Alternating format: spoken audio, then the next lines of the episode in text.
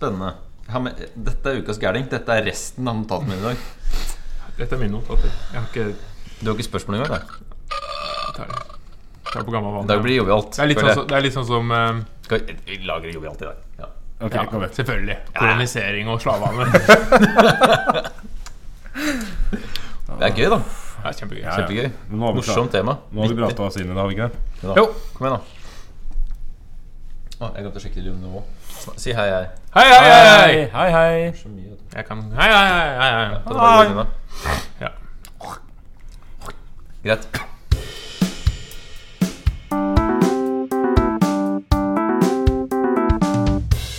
Den gang da. Hei, hei, hei, hei, hei, og hei, hei, hei. Velkommen til nok en episode av denne fantastiske historiske podkasten Den gang da. Eh, mitt navn er som vanlig Henning Mortensen. Med meg har jeg som vanlig Hans Rosvold Horntvedt. Nesten. Nesten. Ja, var nesten du hadde en R i Horntvedt der. Ja. Ellers var det greit. Holdt på å si Horntvedt. Det er han Ja, det er mange- mange som gjør det. Mange som gjør siste. Det Horntvedt er et vanligere navn. Det betyr ja. samme. Hund og Han spiller tuba, tror jeg. Nei Spiller horn? Jeg spiller horn. Ja. uh, og ved siden av deg sitter Jørgen Lie. Vi er som vanlig tre eh, mer eller mindre oppegående historielærere som snakker om historie en gang iblant. Eh, vi har nå kommet til eh, eh, videreføringen av forrige pod, altså Afrika. Eh, vi så så vidt eh, forrige gang på prekolonial historie i Afrika og snakket litt om hvorfor den har vært eh, altså, ligget litt brakk. Hvordan europeerne nektet for at eh, afrikanerne i det hele tatt hadde bygd noen sivilisasjoner før de beæret dem med sitt nærvær. Eh, men som vi bare snakket om jo, at det var, har jo vært en del store afrikanske sivilisasjoner. Eh, vi snakket om Egypt og Mali osv. Og, så videre, og det er jo også der hvor menneskearten oppsto. Det må jo også sies. Eh, Det kan du godt si. ja. Så på mange måter vårt alles opphav. Ja. Og et enormt stort og komplekst eh, område. Det er jo en, et eh, Det er litt sånn forenkling å snakke om Afrika som en enhet. Det er jo ja, det er et veldig stort område. Det er mye mennesker blitt. Og vi overforenkler jo veldig her. Det må jo bare Vi er klar over det. Mm. Hans, Men- ja, Jeg. Eh, La meg snakke litt til. greit. Det vi skal snakke om i dag eh, Vi ble vel sånn rent enige i stad at vi deler dette i tre. At vi skal snakke om kolonialisering og slavehandel og litt sånn i dag. Og så skal vi snakke om avkolonialisering neste gang. Det skal vi gjøre. Avkolonisering tar vi da neste gang. Så blir det sånn cirka halvtime per. Ja. Det er greit, fordi det er ganske Fint du annonserer det nå før vi har spilt inn. Ja, men det er det som vi gjorde sist. Ja. for det er ganske svære temaer, så det er greit å dele litt opp, så ikke det blir for mye for Større folk. Da. Afrika, faktisk. Ja, I den grad det er mulig. ja. Jeg skal, jeg skal bare si, Henning eh, Unnskyld at jeg avbryter, men eh, Hans, eh, du nevnte jo her forrige gang at spørsmålet er Hadde vi tatt for oss Europa som et eh, kontinent? Altså som eh, altså om, I dag skal vi snakke om Europa. Altså Vi hadde jo neppe gjort det. Det skal sies at vi er nødt til å forenkle litt når vi fremstiller dette her, men når vi, når vi leser om det så det er, ingen- det er ikke noe sånn at man i historieforskning eller historiebøkene omtaler Afrika som et sted. Når man snakker om Afrikas historie, så blir det som at man snakker om Amerikas historie, Europas historie, og så deler man det inn i enheter. Vest, øst, eh, forskjellige stammer og riker osv. Og det, ja, og det er jo nettopp et kontinent, det er jo ikke et land. Nei. Det er jo, Ikke at vi trenger å opplyse folk om det. det er alltid, nei, nei, men, men det, er, det er greit bare å problematisere litt. Altså Vi, vi snakker om Afrika som en enhet her, eller vi gjør jo ikke det. Vi prøver så godt vi kan å ikke gjøre det. ja. Men skal vi Eller jeg, jeg, jeg bruker ordet land om Afrika. Jeg gjorde det sist. Men det er når europeerne kommer dit, så ser jo dette, de på dette som et stort land. Og da mener jeg ikke som en nasjon. Nei, men landområde, ja. Landområde. Nettopp. Ja, ja, Vi ser jo på Afrika som et uoppdaga eller ubrukt landområde, hvor de ønsker å på en måte ta makten. Og det er det vi skal snakke litt om i dag. Ja, kan ikke gå inn der, da? Fordi det som, det som er greia, er at det er portugiserne som er tidligst ute i moderne sammenheng. Og da snakker vi på 1400-tallet. Og det er stort sett eh, Vest-Afrika det begynner med. Det som er interessant der, er at portugiserne Så da snakker vi ikke nødvendigvis om kolonisering, men i hvert fall handel. Handelsposter og etter hvert noe settlervirksomhet i vestafrikanske kystområder. Så begynner det som en kamp mot islam, annet at man eh, som en del av en sånn kristenmisjonspakke også skal eh, gå mot islam, da, som har begynt å etablere seg der eh, over en del hundre år. Uh, og så kommer flere og flere akt europeiske aktører inn på 1500-tallet. Uh, For det er jo ikke langt Frankrike. rent geografisk fra Europa til Afrika, hvis du da tar utgangspunkt i Spania og Portugal. Nei, altså, er det Ja, det er bare over Gibraltarstredet. Ja. Det er jo, du kan jo se over, kan du ikke det? På Ja, Nord- Nord- Nord-Afrika. Ja, Nord-Afrika. Hans kan ikke det, men han ser litt dårlig. ja, det er sant. Men hvis du har på deg briller, Hans, hvorfor går du, hvorfor går du uten briller i dag, Hans? Du, da ser du ingenting. Nei, det går bra. Det er, opp, det er bare lyd. Er det du? Ok. Ja. Ja, portugiserne, og så andre også fra 1500-tallet. Ja, briter, øh, frankere, som jeg kaller det. Franskmenn. Franskmenn osv. Ja. Og det, det som kanskje Dette her settes jo i gang av en europeisk, eh, et europeisk ønske om, eh, om oppdagelse og om eh, nye råvarer. Et ønske om eh, nye handelsruter når, eh, når det osmanske riket blir sterkt og overtar en del av landkontrollen, sånn at europeerne må begynne å dra til sjøs for å finne områder. eh, og handelsruter. Men det er jo det som, det som er viktig her, er at det starter jo i kystområder. Og man sliter med å komme seg innover i landet, rett og slett fordi man dør, og det er stort, og man, men man, man klarer ikke å etablere seg innover og på en måte oppdage og ta over Ja, det, det, Afrika som et område. jo, det finnes jo kart fra um, Er det så sent som 1700-1800-tallet hvor, hvor det på en måte er skravert på en måte, i det indre Afrika sånn unexplored area. Ja. De har ikke peiling. Og det her, det Vi kommer tilbake til seinere hvordan de etter hvert klarer å komme seg dit også, men i utgangspunktet så er de ja, langs kysten.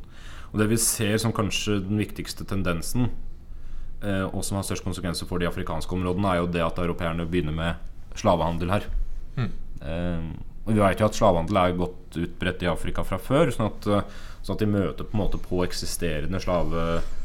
eh, slavevirksomhet. da altså Slavehandel, slavefort, slaveområder. Og da snakker man om slavehandel mellom afrikanske land. Mellom afrikanske land og mellom afrikanske land og arabiske områder. Og det er viktig å huske at i verden generelt på den tida så er det ikke noe antipati mot slavehandel og slavebruk. Eh, både der i Øst-Europa, i Europa generelt og tradisjonelt også i vikingtid her oppe i nord, så har man jo hatt eh, utstrakt bruk av slaver. Både europeiske og ikke-europeiske slaver. da Ja, Rett og slett en aksept for at slavehandel var greit. Så når eh, europeerne kommer hit og ser mulighetene for det her, bl.a. så ser de muligheten da for å kunne bruke afrikanske slaver til å jobbe på plantasjer i Sør-Amerika og Karibia. Ja. Og det er jo det man kan si. Altså, du kan si ja, de, de spiller jo på en slavehandel som allerede er der, men det europeerne gjør, uh, for å liksom ikke fraskrive dem noe skyld her, er jo at de, de etablerer jo et marked som For et internt marked vil jo til slutt mettes. Det vil være begrensning. Mens de etablerer da en eksport av slaver eh, over til Amerika, som igjen gjør jo at den slavehandelen som er der, eskalerer jo. Man, ikke sant? Stammer kan gå til krig til andre stammer, ta den fiendegruppen sin, ta dem ut i kysten, selge dem til noen briter eller dansker og føre dem over til Amerika. Etterspørselen blir slett mye større. Man, man skaper et mye større behov. Og mye som vi har sagt altså Mye er jo grunnen til at det er uh, kolonisering av det amerikanske kontinentet. Eh, kanskje i første rekke plantasjedrift. Eller, altså, Ja. Det er jo der, der det går. Spesielt sukkerplantasjene da, på eh, de karibiske øyer, som er enormt arbeidskrevende, og som krever er en, ganske- enormt mye arbeidskraft. Og så finner europeerne ut at ok, dette her er en enkel måte å gjøre det på, og det er billig, da, hvis Ja. man skal sette Ja. pris på det. Og uheldigvis kan jeg jo si det som skjer jo i Amerika, er jo når europeerne kommer dit, så dør jo veldig mange av de innfødte der Ja. pga. et sykdomsflora som de ikke er vant til.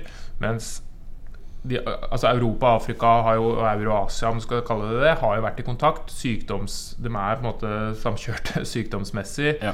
Eh, så de, kan, de må på en måte importere arbeidskraft utenfra. Ja, og, det, og da er det jo afrikanerne som da blir den arbeidskraften som erstatter urinnvånerne i, i Amerika. Det som er eh, greit å markere litt forskjeller der òg, for i Sør-Amerika og Karibia så er det vel vanlig at man, at man driver såpass mye rovdrift på slavene at de lever la oss si syv år, og så dør de, og så trenger man nye slaver. Litt lenger nord så importerer man færre slaver fordi levekårene for slavene f.eks. i Virginia-områdene og sånn, de i Nord-Amerika de, de er bedre, sånn at slavene formerer seg, for å si det sånn. Akkurat i tråd sånn som, Europa, eller sånn som eh, kolonistene gjør. da Eh, Og det blir mindre import av slaver, men, men veksten av innfødte, amerikansk innfødte av, afrikanske slaver Skal vi si eh, andre blir generasjons slaver? Andre, ja, ja, men, jo da. Ja, det du kanskje. Eh, Den er større, da, sånn at importen av slaver er mindre, men det, det vokser i antall. Men det er, det er jo lett å på en måte Vi sitter her og snakker om det. Det er jo lett å, å se på dette som råvarer. da Altså man, For europeerne var det jo det. Altså at det er Ja. Ja, det var Dette har vi snakka om før i en annen pod, men, men eh, det er jo for europeerne en råvare, salgsråvare som de brukte og utnytta og på en måte så på kost, nytte og hvor dyrt er det, hvor mye lønner det seg for oss å behandle dem slik og slik. Eh, og det er jo selvfølgelig et ekstremt forferdelig kapittel i menneskehetens historie. Ja. Men, men det er jo et resultat av at europeerne ble den dominerende faktoren her. Og at de rett og slett kunne tillate seg, hadde mulighetene, hadde øh, Hva skal jeg si makten da, til å gjøre det på den måten. Skal vi ta noen tall? Altså det, er, det er vanskelig å helt tydelig og med sikkerhet etablere noe sånn fast tall på hvor mange slaver som blei ført ut av Afrika. Men, men man pleier å lande på la oss si 12 millioner. da 12 millioner slaver. Noen har estimert det til 100-200 millioner og sånn, men det er Var det så mange folk der? Nei, det er nettopp det. Det er flere slaver enn det var, enn det var folk sør for Sahara. i det Det så, det, Så, det, så det, er, det er sånne tall som nok har dukka opp ut ifra en sånn afrikansk nasjonalisme. Eh, men 12 millioner er ikke et urimelig tall hvis du, hvis du antar at noen av dem døde underveis også på overfarten, og det var ganske mange. Eh, men vi ser jo at ja, For øvrig kan vi nevne at uh, Danmark uh, Danmark-Norge var med på dette her også. De danske besittelsene Jomfruøyene, St. Thomas, St. John og St. Croix. De er omtrent 100 000 slaver som ble tatt av danskene. Det er, akkurat, det, er ikke, det er ikke mye nevnt i norske historiebøker. Det det, at det er vel nevnt kanskje nå, men øh, at, øh, at Danmark-Norge, da som det jo var på den tida, var en del av dette. Man kan Og dra hadde kolonier og hadde drevet med slavehandel. man hadde slaveskipet Fredensborg ligger og har gått ned utafor Arendal. Man kan dra og se en minnesplakett over det. Det med slavehandel er en ting Det er sånn med historien som man Det er litt sånn tvetydig, for man på en måte På én side så må man liksom Ja, ja, man aksepterer litt sånn var det på den tiden. Eh, man, man nesten godskriver handlingene i tidens eh, ånd. Men så er det viktig, det er lett for oss her som eh, på en måte rike, velfødde nordmenn å sitte og si ja, ja, sånn var det. Men det er viktig å forstå at dette lever i bevisstheten til mange i dag. Ja, det er klart Og, og det er en viktig del av for å forstå hvordan vi opplever historien og sånne Mm, ting. Altså se at dette er traumatisk, og dette er ikke noe vi kan Vi skal ikke avfeie det som en sånn ja, ja, sånn var det. Det er viktig å reflektere litt, tenker jeg, da. Det er det, hvis vi, altså hvis vi tenker på konsekvensene her, da. Ikke sant? Slavehandelen begynte på 1400-tallet, men det var ganske få fram til 1600. Og så får en gratis økning utover 1600-tallet, og fra ca. 1750 så eskalerer det noe veldig på kort tid. Så fra 1700 til, til 1800 så er det omtrent 6 millioner slaver. eh, Og 3 millioner fra 1800 til 1900. Og konsekvensene her av en sånn folkeflytning på veldig kort kort tid er jo ganske drastiske. Altså Kulturelt og, og sosialt så er det jo utelukkende negative konsekvenser, vil man kunne si. Så Ja. har du klart at økonomisk og politisk så er det eh, positivt for noen. F.eks. at du, du får en de, de allerede de sentraliserte områdene i Afrika De tjener jo på slavehandelen, fordi de kan, der kan høvdingene og kongene slå seg opp på nettopp slavehandel. Mens de desentraliserte områdene stort sett er utsatt for nettopp det å bli henta. Og, og det å leve i den frykta for at familiemedlemmene dine eller deg sjøl skal plutselig klubbes ned og, og stjeles med til, til kysten og sendt av gårde, den er nok eh, det er vanskelig å sette seg inn i. Ja. Man, eh, man hadde jo ungene sine innhegninger med, med, med vakter rundt og sånn for å, i tilfelle det kom noen for å hente, hente dem til slavehandel. Sagt på en annen måte, er det mulig å diskutere om det finnes noen positive konsekvenser? Dette har vi kanskje diskutert før. Men, Ja, det tror jeg vi har diskutert men, tidligere, men det er et interessant spørsmål. da Ja, men ja, jeg vet ikke hvor interessant det, vi- er, kanskje, det, vi, men, det, vi, det kan være greit å si at f.eks.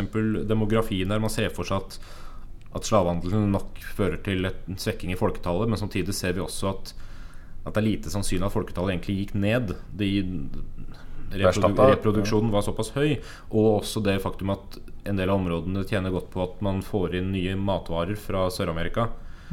Som Mm. Ernæringsmessig? Ernæring, ernæringsmessig så blir det faktisk bedre av det, fordi at barnedødeligheten går ned. Eh, det, det formidler ikke omstendighetene. Nei, nei, bare-. Men men bare- bare- Men jeg bare må avklare, fordi hvis det tenker noen leste eksamen og sånn nå, når vi snakker om slavehandel og Afrika, Amerika og sånn, da må vi jo si trekanthandelen. Ja, for det er det jeg snakker om. Liksom Europa, Afrika og Amerika. Ja. Hva er trekanthandelen for de som får det spørsmålet? det handler jo om at, øh, at her er, det er jo et bilde da, på den sjøruta som man har mellom Afrika, Amerika og Europa som kontinenter.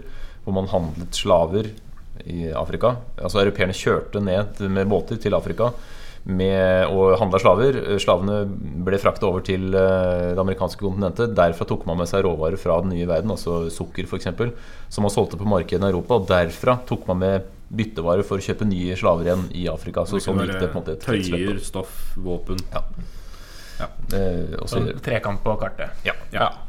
Transatlantisk slavehandel er et annet begrep. på det. ja. Eh, ja, hvor går vi videre? Nei, Vi går jo kanskje da til uh, Fordi ennå er jo ikke Afrika kolonisert. Nei, det skjer jo seinere. fordi det er handel ikke sant? og Ja. slavedrift, ikke kolonisering, ikke bosetning i så stor grad. det, det som jeg syns er fascinerende, det å tenke på, det er uh, Det kommer mer fram til neste episode, hvor, hvor, hvor kort tid dette er siden. Men altså, det er jo ikke før på langt ut på 1800-tallet at virkelig koloniseringen av Afrika skyter fart. Man har jo noen kolonier før det. Portugiserne var tidlig ute. Nederlenderne var tidlig ute i Sør-Afrika. Men det er jo på 1800-tallet det virkelig skjer, da. Ja, for vi, vi snakket jo fortsatt Som vi sa i stad, dette at Innlandet er jo fortsatt uoppdaget. eh, uutforsket fra europeisk perspektiv. Men i kystområdene, da, som sagt kjent kanskje da på i helt sør, med boerne og nederlandske bosetninger og sånne ting, fra 1600-tallet. Men den virkelige sånn Ok, nå, nå skal vi ta dette landet. Dette landet er vårt. Det skjer jo først da etter industrialiseringen i stor Ja. grad, og man kommer da til slutten av 1800-tallet. Jeg hørte en britisk historiker som forklarte meg at man, altså Afrika fungerer som en kjeks på et eller annet vis. En stor kjeks der europeiske stormakter gjennom en del hundre år har på en måte småbitt litt i kanten av kjeksen. Og så eller de europeiske musene eventuelt har bitt litt i kanten av kjeksen fram til de plutselig velger å ete hele greia utover på 1800-tallet. Og hvorfor eh, skjer det akkurat da? Det, det er som du sier, det er jo industrialisering er viktig. Eh, de får muligheten gjennom eh, ny teknologi, jernbanedrift Jernbanedrift Jernbane. Teknologi, konstruksjon, ja. Våpenteknologi, som er uovertruffen. Maskingevær. Maskingevær, eh, kanonbåter. Gjennom kanonbåtdiplomati så får man jo etablert seg en del steder, kan du si. Og så har du elvebåter som gjør at du kan komme deg på damp, som du kan komme deg lenger inn i landet. Ja, og medisinske fremskritt som gjør at Ja. man ikke dør av alt. Kinin, er det, Ja. hvor effektivt er egentlig kinin? Ikke spesielt, men den funka litt. Og så skal det jo også sies at, at det er andre årsaker også til at denne interessen for Afrika vokser. Det er maktkampen i Europa. Ja, For det er vel den sterkeste drivkreften her. Altså, det, det er jo en oppblomstring av nasjonalisme også i, på Europa på 1800-tallet. Vi er størst og best og alt det greiene der. Og Afrika blir et sånn konkurranseområde. Ja, det- Hvor man frykter for å miste sin posisjon hvis man ikke klarer å holde følge med de andre. Ja. Så alle de europeiske stormaktene tenker at oi shit, vi må være tidlig ute, vi må kaste oss på, vi må skaffe oss mange kolonier. For det er jo klart fruktbart for et land å ha kolonier med råvarer og mennesker og full pakke. Ja, bare, hvis vi skal ta to hovedårsaker da, til, eh, eller drivkrefter for å eh, hva skal jeg si, kolonisere et kontinent, det er jo råvarer. Ja. Eh, Stor tilgang på råvarer. Og nå kjente man kontinentet ganske godt. Og så er det nasjonalismen, da, som du sier, at man tenker at her har vi en rett til å eh, kolonisere. Men det bør også sies at altså, den store koloniserings... Hva skal jeg si, skjedde på Berlinkonferansen 1884-85. eh, Og mye av grunnen til at man da, da møttes mange europeiske land for å diskutere hva skal vi gjøre med Afrika. Det kan være interessant å si at det var ingen afrikanske land på denne konferansen. Det var bare europeerne som skulle finne ut hvordan de skulle fordele det. jeg tror det var to av diplomatene som var på Berlinkonferansen, som noen gang hadde vært i Afrika. Ja, Resten hadde ikke vært i Afrika i det hele tatt. Og det sier noe om hvor mektig Europa var. Men en av årsakene at man i det hele tatt møttes, det var at man var redd for storkonflikter. Fordi, som du sier, Henning, det var det var en, et kappløp. da Man kaller det kolonikappløpet. Hvem skal på en måte mm. nå landet først? Engl Storbritannia og Frankrike var tidlig ute. De hadde store områder. Og så kommer Tyskland og sier 'hva med oss?' Og så kommer Italia og sier 'ja, men hva med oss?' Og så og har man en potensiell konflikt. Så for å forsøke å avvæpne det, så møtes man for å diskutere. Og det, er jo der man har opphavet til disse totalt rette strekene i geografien i Afrika. Altså hvorfor er landet Altså Mali, som nevnte sist, er jo, det ser jo ut som du har tegna det rundt et, et kvadrat. eh, Og man tok ikke hensyn til eh, eksisterende linjer i det hele tatt. Men eh, vet, noe som ofte blir glemt, er bare trekke fram en forutsetning eller en drivkraft til, og det som ofte blir glemt, er, er at de nordafrikanske områdene spesielt da har vært under påvirkning og kontroll fra det osmanske riket. Ikke sant? Eh, og med islam og arabisk påvirkning. Men det som ofte blir glemt som en sånn drivkraft her, er at osmanske riket opplever en ganske tydelig indre svekkelse på 1800-tallet, som gjør at europeerne og ytre påvirkning for øvrig, som gjør at europeerne nå ser muligheten for å kunne ta de områdene vekk fra osmanene. Så det er ikke sikkert at det ville vært like stor åpning for å gå inn i Afrika, hadde det ikke vært for at osmanske riket opplevde en svekkelse. Men det du sier er interessant, det med tanke på Berlinkonferansen, for det er jo da det virkelig tar av. Men det som også er en sånn litt paradoksal del av dette her sant? i arbeidet fram mot Berlinkonferansen og fra slutten, slutten av 1700-tallet og framover, så ser man en sånn europeisk bølge av antislaveri eh, de er flere og flere krefter som går imot slaveriet. Og så blir det veldig inn å være, være imot eh, slavedrift. Og dette her springer jo bl.a. ut ifra opplysningsidealene. Og når man kommer til Berlinkonferansen, så hjelper det veldig Altså Du får mye goodwill hvis du er europeisk stormakt og er imot slaveri. Da, da er det veldig ålreit. Så det blir lettere å, å kolonisere og legge under seg disse områdene hvis du sier at slaveri det er ikke bra. Så man ser jo at uh, det, det blir uh, slaveri blir avskaffa gradvis fra slutten av 1700-tallet framover, og offisielt oppheva under Berlinkonferansen. Ja, og man er sikkert inspirert også av, eh, av eh, USA og Abe Lincoln, som var jo en Ja motstander på 1860-tallet. Fordi Det er jo også en viktig greie her. Nettopp det at ikke sant? De var mot slaveri. Mm. Så det europeerne tenker, er jo at vi gjør dem jo en tjeneste ved å komme og ta landet. Tenkte de det? Altså, helt, Ja. hvis vi skal liksom Ut ifra Det jo det man sosialdarwinismen så tror jeg nok Ja. altså, altså, White Man's Burden og ja, man, man har sin rett. Altså, man skal Cecil. Rhodes, eh, som jo er den kjente britiske kolonisten, Mm. sa jo det at han så at vi, altså som i engelskmenn, er den overlegne rasen. Mm. Og jo mer av verden vi besitter, jo bedre er det for verden. Men jeg lurer på om jeg, jeg, jeg skjønner jo på en måte Og jeg vet at det er sånn, men Men, Om- men stemte det er- det, liksom? Om Altså, det er en grad for, av, av rasjonalisering. ja, ja Er det bare liksom? en unnskyldning? Altså, ja, ja, ja. Ikke sant? Du spiser sjokoladen i kjøleskapet, tenker ja, men ellers så går den jo ut, og det er jo dumt å kaste bort penger. Ja, Liksom. altså, god- god ja, Ja, ja. jo, jo. Ja, men det er sånn Du liksom rasjonaliserer Ja. dine egne handlinger. Så det er like godt at jeg spiser den. Ja. Bare for å, mm, at den ikke skal bli Ikke ødelagt. Jeg, jeg, jeg bare lurer på ja, ja, Nei, det, får jo, det er vanskelig å vite. Da. Ja, men man tror jo på sine egne handlinger. eh, Er, man tror jo ofte sine Ja, egne handlinger kanskje. er rettskaffende. Da, uansett hvor lite rettskaffende de er. Men det interessante eksempelet her eh, Kanskje du kan si noe mer om Jørgen Det er jo, det er jo kong Leopold Ja, og, eh, og, og i hvilken grad han på en måte var tro mot disse antislavehandelideene sine For han gikk jo veldig mot slaveriet Ja. Belgiske kongen Offisielt. Leopold han- ja, ja, Ja. han, Og han bygde jo opp masse kuros i Europa Og gikk imot uh, slavehandel Og Belgisk Kongo, eller Fristaten Kongo som det ble hetende, det er jo, det er jo kanskje det grelleste eksempelet på kolonisering i Afrika. Altså Hvis man ser for seg på en måte hva er det verste med kolonisering, så ser man for seg disse bildene av mennesker med avkappede hender eh, som har blitt straffet eh, fordi de ikke har gjort som de skulle. Og Belgisk Kongo, som det ble hetende, da, altså kong Leopolds private stat For det er det snakk om Det er ikke den offisielle Belgia nødvendigvis Det er han sjøl som Forferdelig eksempel på grusomhet og Staten måtte gå inn og ta slutt, ja. over for, til slutt fordi det var så fælt der. Ja. Altså, han, han klarte nok å spinne altså, I prosessen fram mot Berlinkonferansen og sånn, så klarte han nok å, å spinne en del europeiske herskere rundt lillefingeren. Men, han, men det som er litt sånn interessant, er f.eks. å se forholdet hans til eh, Otto von Bismarck i Tyskland. Han Bismarck skal ha uttalt seg litt om Leopold, og det er tydelig at Bismarck veit helt godt hvem det er denne karen egentlig er. Men han velger bare å overse det, fordi det er lettere å anerkjenne. Altså Bismarck har ikke så stor koloniinteresse, egentlig. Det er andre krefter i Tyskland som heller har det. Men, han, men det, det virker som at han, han veit at kong Leopold farer med løgn da, og bare fjaser, og har tenkt til å gjøre dette her til sitt eget sinnssyke uh, maktsirkus. Men han eh, anerkjenner allikevel det. Og det blir noen avtaler mellom uh, ja, Storbritannia det er, det er er ganske intrikat maktspill, den Berlinkonferansen. Men eh, men folk begynner å reagere. Da. Du sier jo at Belgia, myndighetene i Belgia må gå imot sin egen konge for å hindre denne sinnssykdommen, som vi kan kalle det, når han kjører rundt i Afrika der. Ikke at han er der sjøl, men han eh, det man merker, er jo at eh, det kommer veldig mye flotte ressurser ut derfra. Altså Det er masse fint som de henter ut, men det de blir aldri registrert at noe går inn. Så du kan ikke snakke om en handel, på en måte, en utvikling. Han bare går inn og henter Henter råvarer. Og slavedrift er oppheva. Han bruker jo folket der som slaver, åpenbart.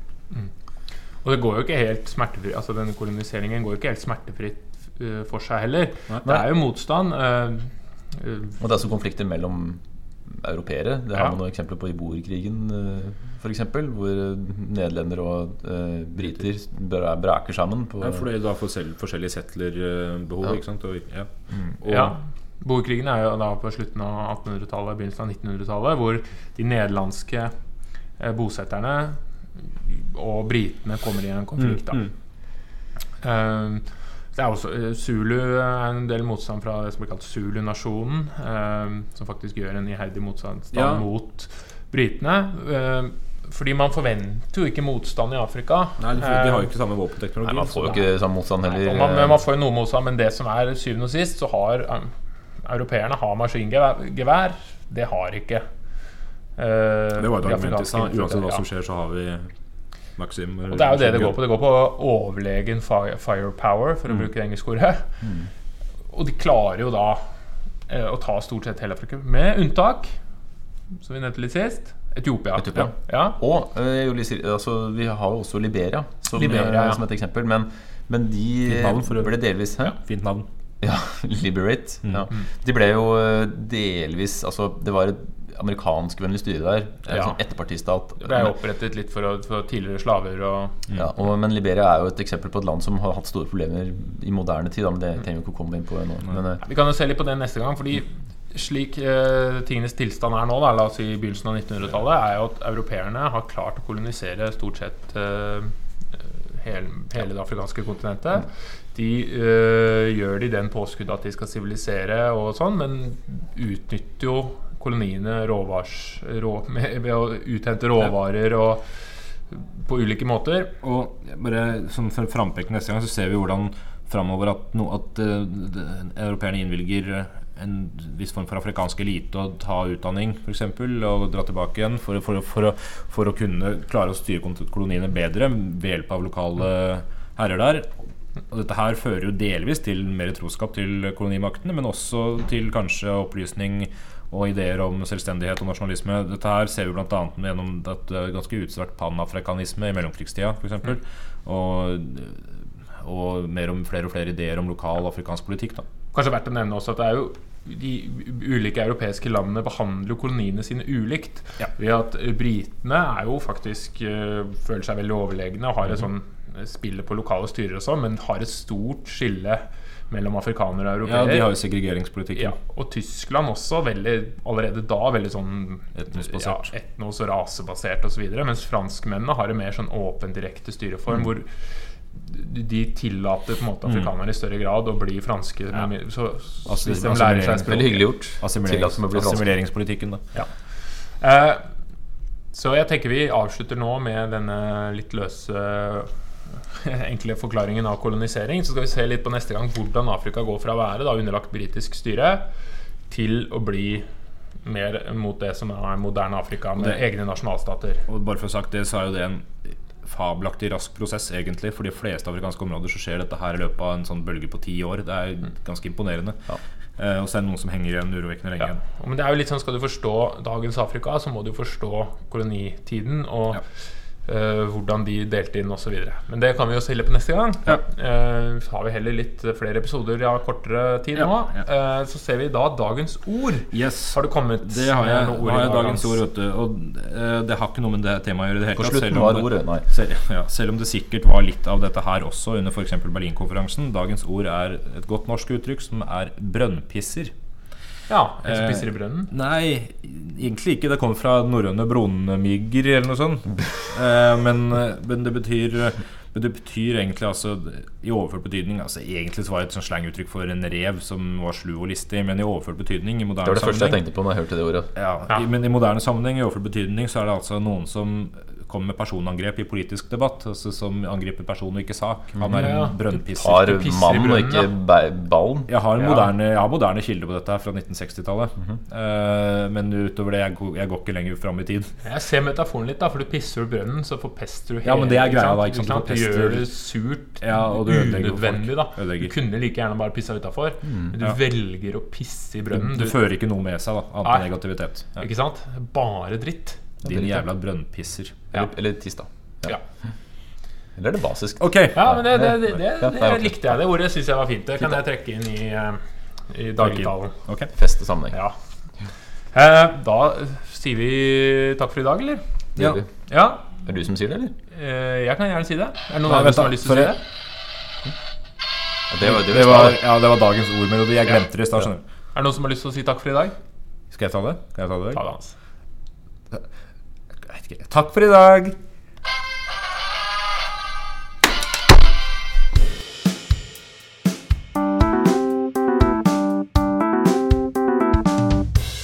Den gang da.